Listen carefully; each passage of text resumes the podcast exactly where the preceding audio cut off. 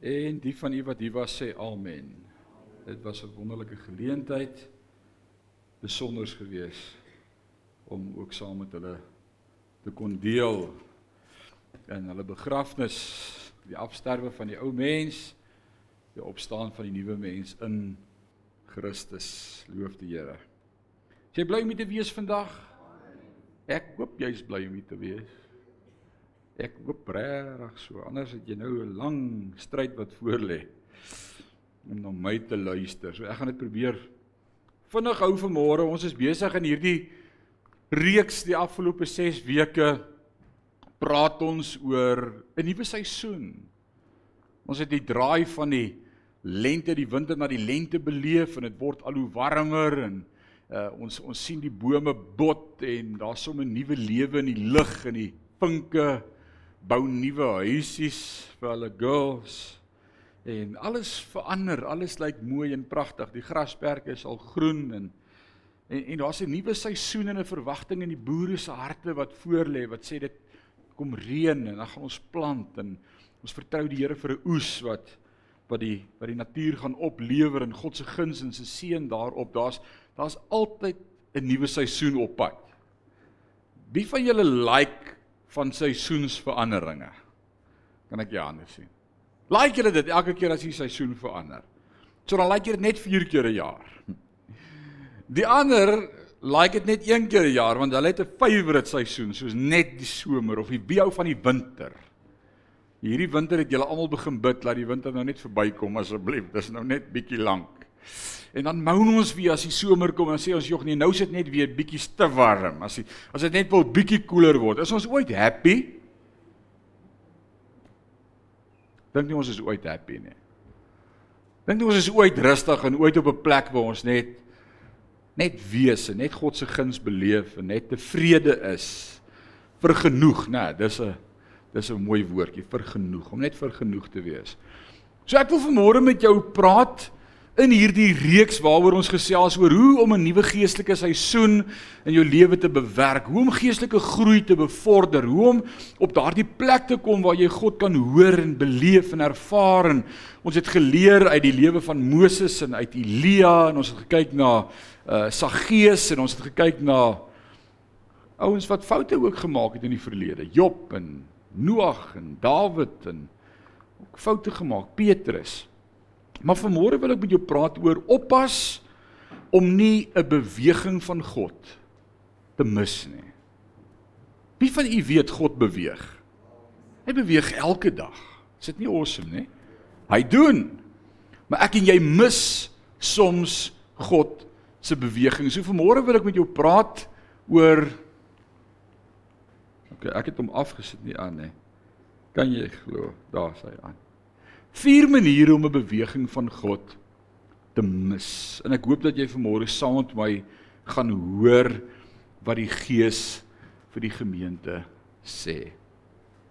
As ons vandag eerlik wil wees, in ons lewe mis ons plekke, tye, momente, gebeure, geleenthede wat God met ons kan praat mis ons omdat ons nie sensitief is vir God nie.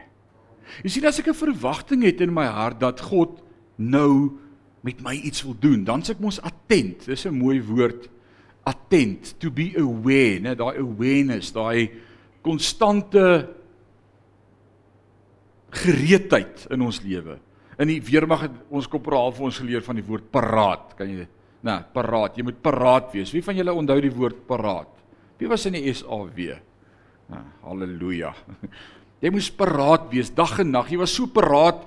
Ek het met my R4 langs my geslaap. Want hulle het vir jou geleer as daar in die nag skielik iets gebeur, dan moet jy reg wees. Nou ja, daar het nooit iets gebeur nie. Dank die Here daarvoor. Die eerste ding vir môre wat ek wil noem, en dis vier maklike, eenvoudige punte waarmee elkeen van ons kan assosieer. As jy word so vasgevang in die verlede dat jy nie die toekoms kan sien nie. Dan gaan jou eie lewe. Dink gaan goed waaroor jy mediteer en waaroor jy dink en waarna jy herkou, dinge wat jou kan keer om God se oomblik te beleef en te ervaar. Dis gewoonlik die gedagtes. Romeine 12:2 sê word vernuwe deur julle gemoed. Kry 'n ander manier van dink, dink anders, dink nuut, dink vars. Maar enige gesprek waarna ek myself lately bevind, gaan oor die verlede. Min gesprekke gaan oor die toekoms. Ons het tot 'n koortjie in die kerk gehad vroeër jare nog wat gesê het, "Oh, bring back those happy days." Kan jy dit onthou, Annelien? Nee. Bring net terug. Wie kan dit onthou? Kan jy dit onthou dan nie, Rarig. Was dit happy days gewees? Ons hang so vas in die verlede, die goeie ou dae. Dis dalk 'n woord wat jy deesdae in 'n gesprek van hoor, die in die goeie ou dae wat pa jou nou vertel in die goeie ou dae. Nee man, toe die drie kleur nog gewapper het. nee. Dis daardie gedagtes aan die verlede, daardie konstante mindset van wat ek gehad het wat meeste van die tyd verhinder dat ek vorentoe kan beweeg. Iemand het eendag so mooi gesê, as jy die heeltyd na gister se sonsondergang kyk, gaan jy nooit vandag se sonsopkoms kan beleef nie. Ek het nodig om vorentoe te kan kyk om te sien wat God vir my wil bring. Kom ek vat 'n voorbeeld of twee uit die woord van die Here uit. En ons het begin met hierdie teks die eerste week Jesaja 43 18 en 19. God sê vir die volk: "Vergeet al die dinge wat in die verlede gebeur het." Nou pos goue oomblik hier. Hoe awesome kan dit nie wees as ons hierdie vanmôre vir mekaar kan sê nie?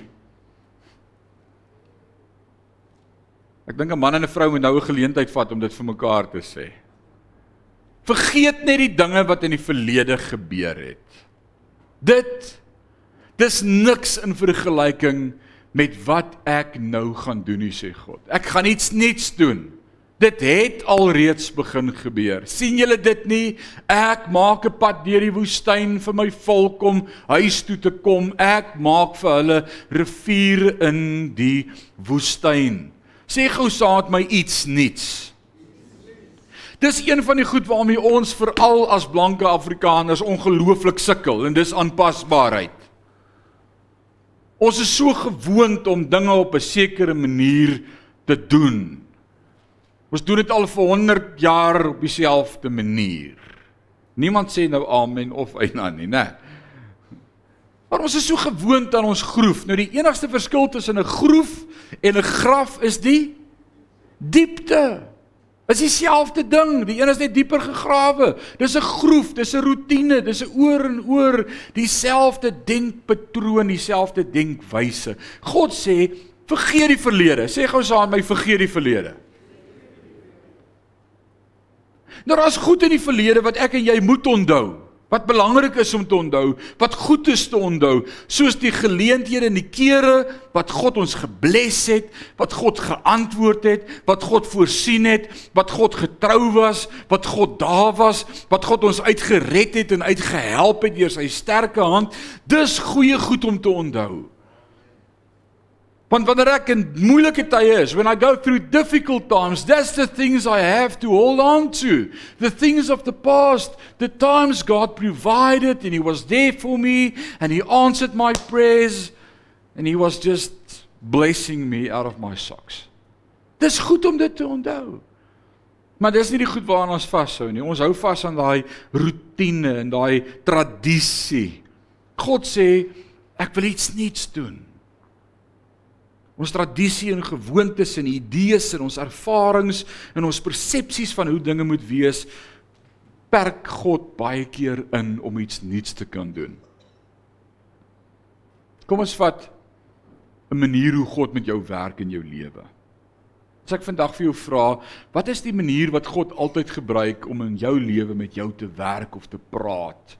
Of wat jy hom beleef of ervaar of wanneer weet jy God praat met jou? Elkeen van ons het iets spesiaals of uniek wat jy sê sjo as dit gebeur dan weet ek die Here praat met my nê Oom Leon wat sê jy? Hoe praat die Here? Hoe werk die Here met jou?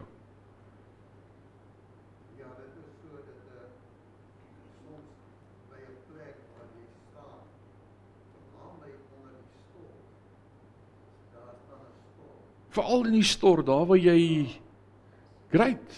Dis 'n is 'n goeie plek om met die Here te praat. Wat sê jy? Hoe, hoe wat is jou belewenis en ervaring van hoe God met jou connect? Dalena, hoe hoe werk die Here met jou?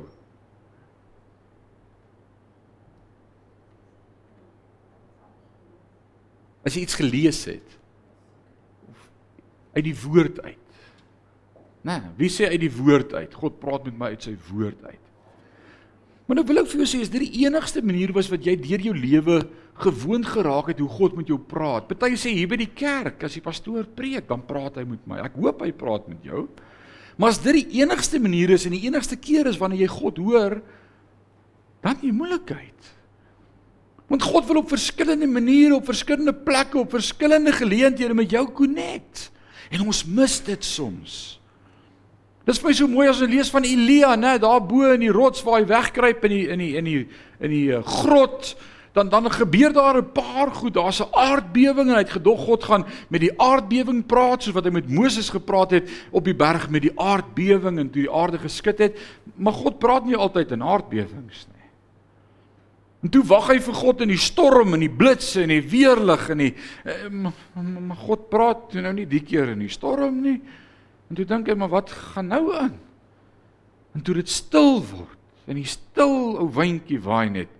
Toe sê God maar ek wil op 'n nuwe manier met jou praat in die stilte. Jy sien God wil op verskillende maniere met my praat, maar as ek dink die Here kan net met my praat as ek die Bybel oop het, gaan ek momente mis omdat ek dink aan hoe dit moet wees. So dink aan die volk Israel. Vir 40 jaar in die woestyn. Vir 40 jaar stap God 'n pad met hulle om hulle te probeer orienteer. Dit was soos veldskool vir hulle, né? Dit was die eerste veldskool.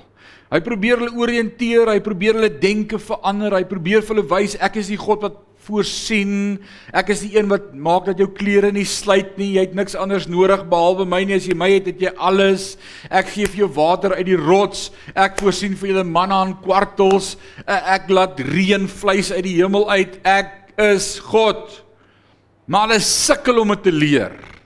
Want hulle dink aan die verlede in terme van hulle wat hulle gewoond was in Egipte en hoor wat sê hulle in Numeri 11 vers 4 en 5 en is ongelooflik dat hierdie volk wat God so voorsorg hierdie woorde kan uiter. Hy sê en die gemengde bevolking wat onder hulle was is met lus bevang. Jy het gedog is net jy. Hulle raak lus, hulle kry 'n craving. Waarvoor? Toe die kinders van Israel ook weer geween en gesê: Ons dink aan die visse wat ons geëet het in Egipte en wat ons verniet kon eet, aan die komkommers en die wartlemoene en die prei en die eie en die knoffel. Broer, het jy al so verlang na daai stuk steak dat jy huil oor die knoffel? Imagine dit, hierdie klomp hulle eh, hoor nou net. Hulle verlang terug na die verlede. Hulle is nou moeg vir manne aan kwartels. Hulle is moeg vir dit wat God vir hulle wil gee. Hulle dink die enigste manier hoe hulle geweet het God sorg vir hulle was nou skielik deur al hierdie goed en hulle vergeet van die sleg wat hulle gehad het en die gevangenskap en die slawerny. Eindelik was hulle in ballingskap en het hard gewerk. Ek en jy moet oppas dat dit wat ons na terug verlang nie 'n God oomblik laat mis in ons lewe nie want die oomblik wat God met hulle wou hê in die woestyn was 'n oomblik waar hulle hom kon leer ken as El Shaddai the god of plenty. The own sufficient one god almighty is more than enough. But they missed it. Nee hulle wou teruggaan na wat hulle geken het. Die tweede ding in my en jou lewe wat ons God oomblikke laat mis. En ek weet vanmôre praat ek nie met een van ons wat hier is nie. Is om te luister net na mense wat jou ore streel. Kan iemand amen sê? Wanneer jy net na mense gaan luister wat vir jou die nice goed sê en nice met jou praat en op 'n mooi manier vir jou vertel hoe awesome is jy en hoe great is jy, nie die waarheid en liefde praat nie, gaan ons God oomblikke mis. Maar ons het nodig dat mense in ons lewe eerlik en opreg inspreek en sê, "Hey, this is not the way." Soos jy net ouens om jou akkumuleer en bymekaar maak en dit net like op plekke waar hulle vir jou vertel jy's nice en jy's okay en daar's niks fout met jou nie, gaan jy God oomblikke mis. So dan is die vraag vandag is het jy regtig vriende wat eerlik genoeg is om vir jou te sê wat in jou lewe aan die gang is? Het jy sulke vriende? Ek hoop jy het sulke vriende. Ek hoop jou man of jou vrou of jou kinders of jou ouers is reguit genoeg om vir jou te sê ons het jou so lief. Ons wil met jou eerlik wees. Hierdie ding is nie reg nie. Op baie keer ons as families veral beskerm mekaar so en ons sien nie mekaar se foute nie, nê. En of daai kind kan niks in jou oë ooit verkeerd doen nie. Of as pa met die kind praat dan sê maar los hom net uit, hy's reg. En dis die grootste ewel en die grootste fout in 'n verhouding, veral met ouer kinders wanneer een huweliksmaat iets voel en die ander een hom teëgaan. Daar moet eenheid wees. Is dit nie so nie? Ons het baie baie gesinne wat daarmee uitmekaar geskeur word. Hoor wat sê Spreuke 27:5, dit is beter dat iemand jou uit liefde berispe as dat iemand jou liefhet maar dit nooit wys nie, sê die ou vertaling. Waarop dit neerkom is dat iemand jou liefhet en nooit bereid is om eerlik met jou te wees nie. So the question this morning is do I love you enough to be honest? Dis dis 'n vraag. Het jy iemand regtig lief genoeg om eerlik te wees? Want weet jy wat, as ek nie eerlike ouens om my het wat in my lewe inspreek nie, mis ek God oomblikke want ek dink ek's okay. Of ek versamel ouens om my wat net vir my sê jy's okay. Hoor wat sê 2 Timoteus 4 vers 3 as Paulus Timoteus waarsku vir die laaste dae, net dit wat ek en jy nou beleef en ervaar. Hoor wat sê hy sê want daar kom 'n tyd wanneer mense nie meer na gesonde onderrig sal luister nie. Hulle sal hulle eie begeertes volg en leermeters soek wat net verkondig wat hulle graag wil hoor. Die Here help my as dit ooit in Sion gebeur dat ek jou net wil sis op die gehoor en vir jou vertel hoe oulik is jy en hoe awesome is jy en die greatste en die beste en hou net aan doen wat jy doen, jy gaan hemel toe. Dis nie die evangelie boodskap nie. Jesus het elke keer as hy gepraat het, was daar konflik, was daar woord, was daar inspraak, was daar iets waaraan gewerk moes word wat hy sien. OK, ons moet oppas vir ouens wat ons ore net gaan streel. Sommige net 'n persoonlike noot vir jou, on a personal note. As jy op daai plek is in jou lewe waar jy sê ek soek net vrede en rus, kan almal my net asseblief uitlos en ophou hamer op my foute en uh wees net lief vir my. As dit jou gesindheid is, gaan jy God oomblikke mis. Sorry, maar ek moet dit sê. Ek wil in liefde weet wat God deur jou ook vir my wil sê. Alraai. Ek hoop jy voel saam met my so. Die derde probleem is ons maak sekondêre probleme ons primêre fokus. We tend to focus too much on the small things and we miss the big picture. Dink gou aan jou krisisse wat jy op hierdie stadium in jou lewe beleef. Dink gaan jou probleem wat jy beleef want elkeen se probleem is uniek en anders en elkeen gaan vanmôre deur iets anders. Het jy daai probleem? Het jy hom? Gaan nie vir jou vra om jou hand op te steek of iets te sê nie, maar dit net hier hè. Jy het hom. Dis jou grootste probleem. En vanmôre sê vir die Here as daai een probleem net uitgesort kom, dan gaan alles reg wees. Ek en jy weet, dis nie die waarheid nie. Want dis nie eintlik ons probleem nie. Ons probleem is God wil hê ons moet leer om hom te vertrou.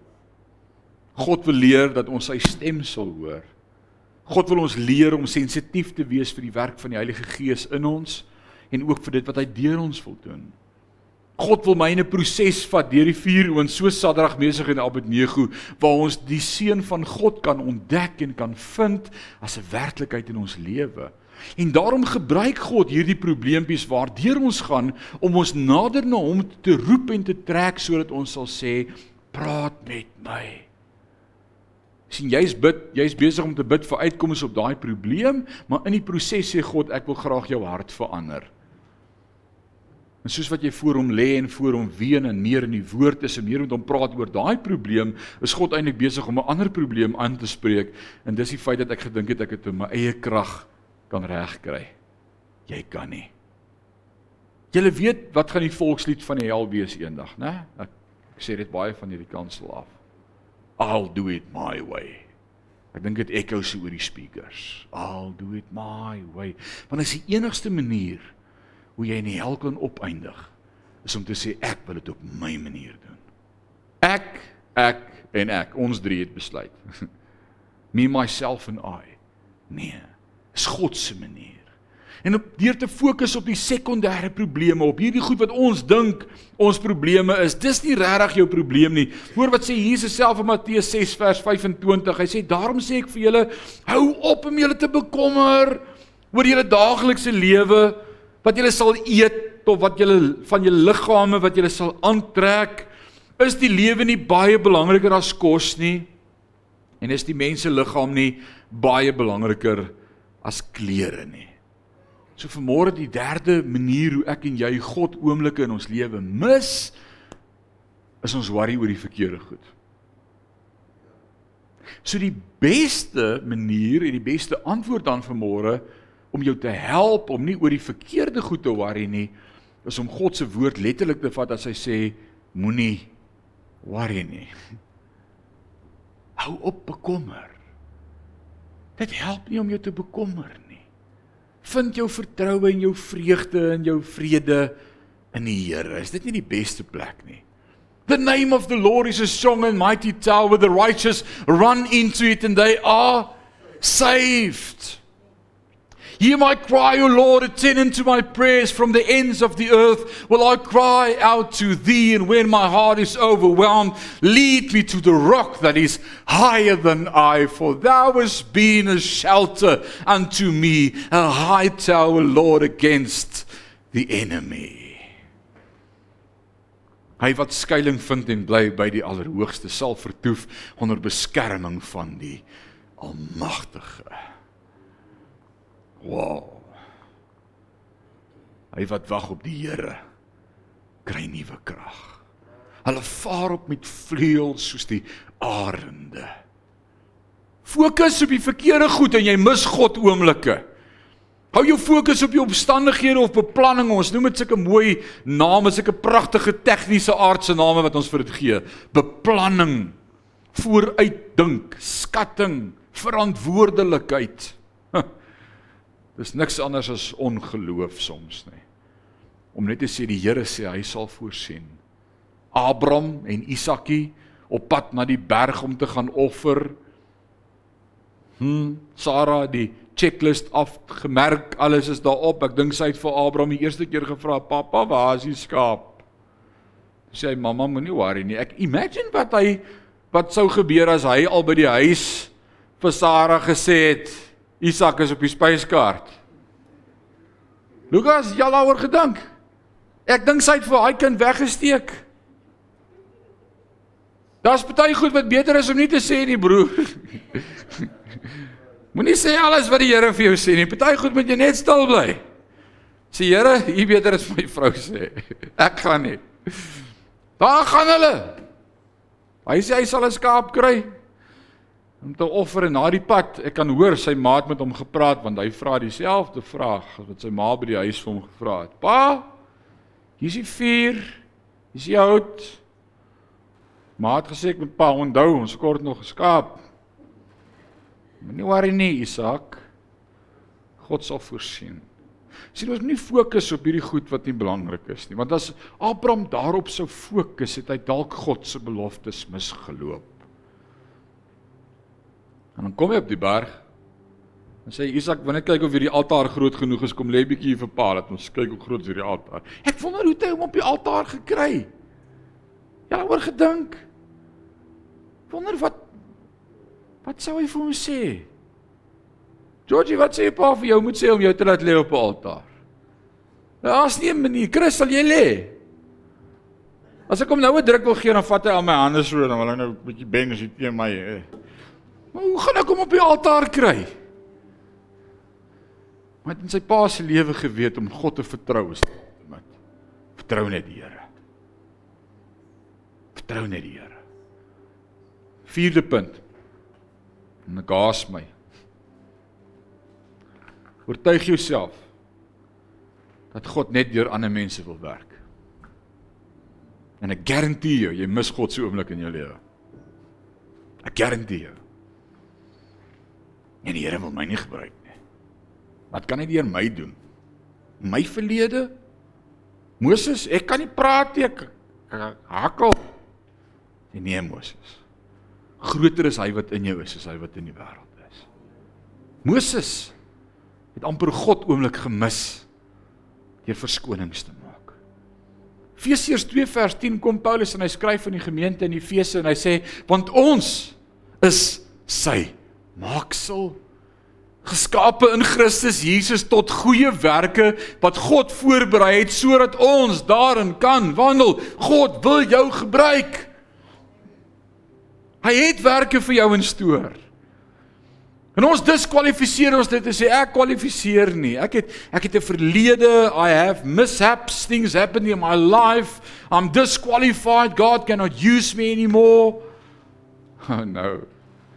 There's nothing you will ever do that can disqualify you from God using you. Niks.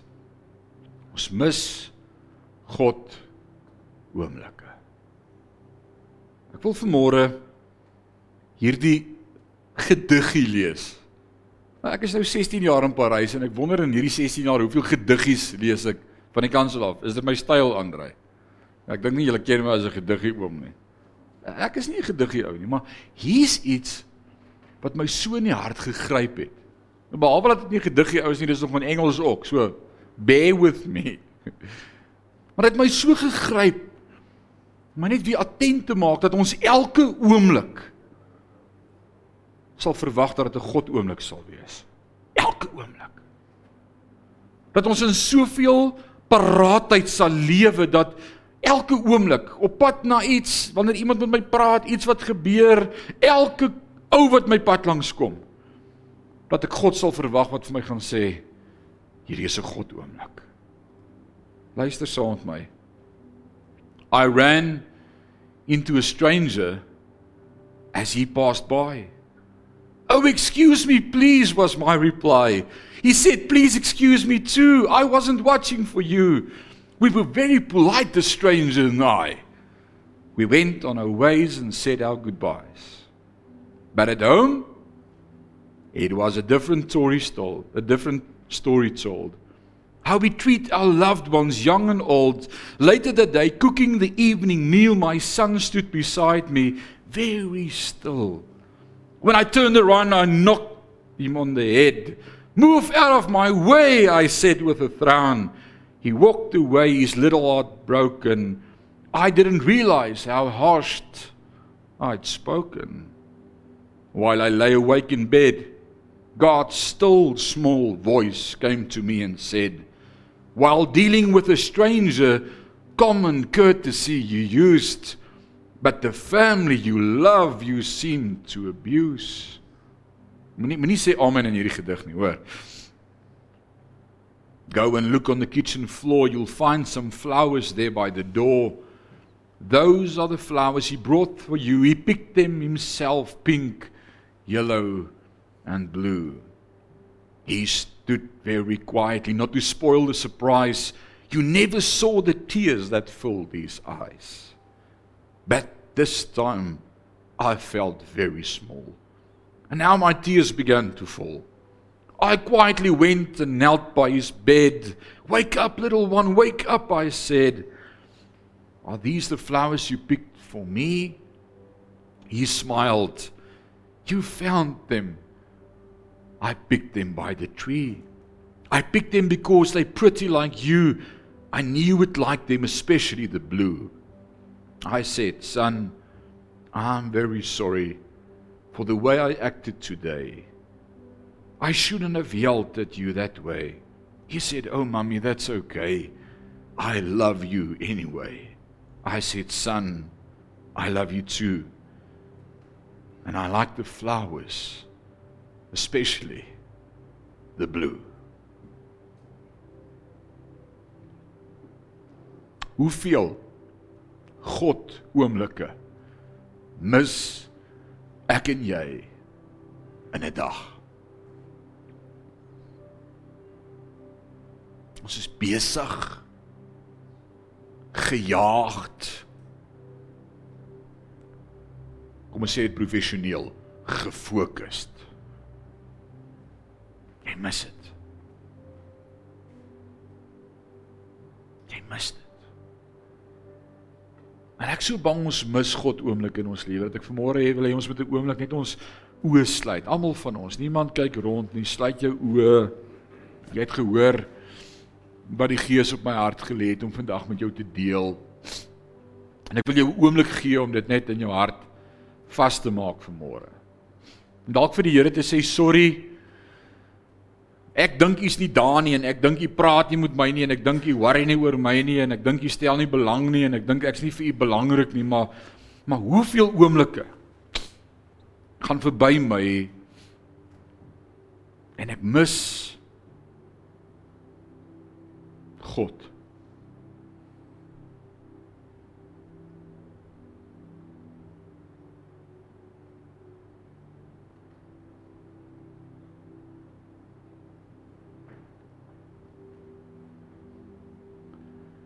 Hemelse Vader,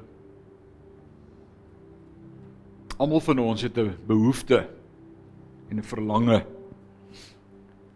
om U te beleef en te ervaar en te weet dat U by ons is.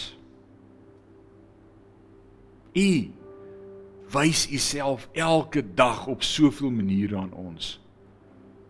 Ons gejaagdheid en ons rotines en ons persepsie van die verlede en die onsekerheid oor die toekoms en dit wat ons oor onsself dink en oor onsself praat of die mense wat ons om ons versamel wat ons streel op die gehoor maak dat ons God oomblikke in ons lewe mis. Ons wil vanmôre voor U kom staan. En ek bid namens elkeen vanmôre as ek sê vergewe ons dat ons nie attent is op u stem en op God oomblikke in ons lewe nie. Maak ons sensitief vir die werk van die Heilige Gees. Ook in hoe ons met mekaar werk. Daal daai ouens wat naby my is met wie ek dink ek kan net praat soos ek wil want hulle verstaan, hulle ken my mos. Here, vergewe ons dat ons God oomblikke mis. My gebed is dat ons 'n generasie sal word, 'n volk sal word, 'n gemeente sal word, 'n gemeenskap sal word wat elke keer as God iets doen, dit sal ervaar, sal beleef, sal weet God praat. U wil praat. Maar ons wil vanmôre sê ons wil U hoor. Maak ons ore oop, maak ons sensitief. Vergewe ons. Vergewe ons. Dawid roep uit as hy bid, skep in my rein hart, o Heer, en gee my weer 'n standvaste gees. Toets my. Ken my gedagtes, my organe, my hart, my motiewe is oop en bloot voor U vanmôre. Ek wil vra Here verander ons. Skep in my 'n rein hart.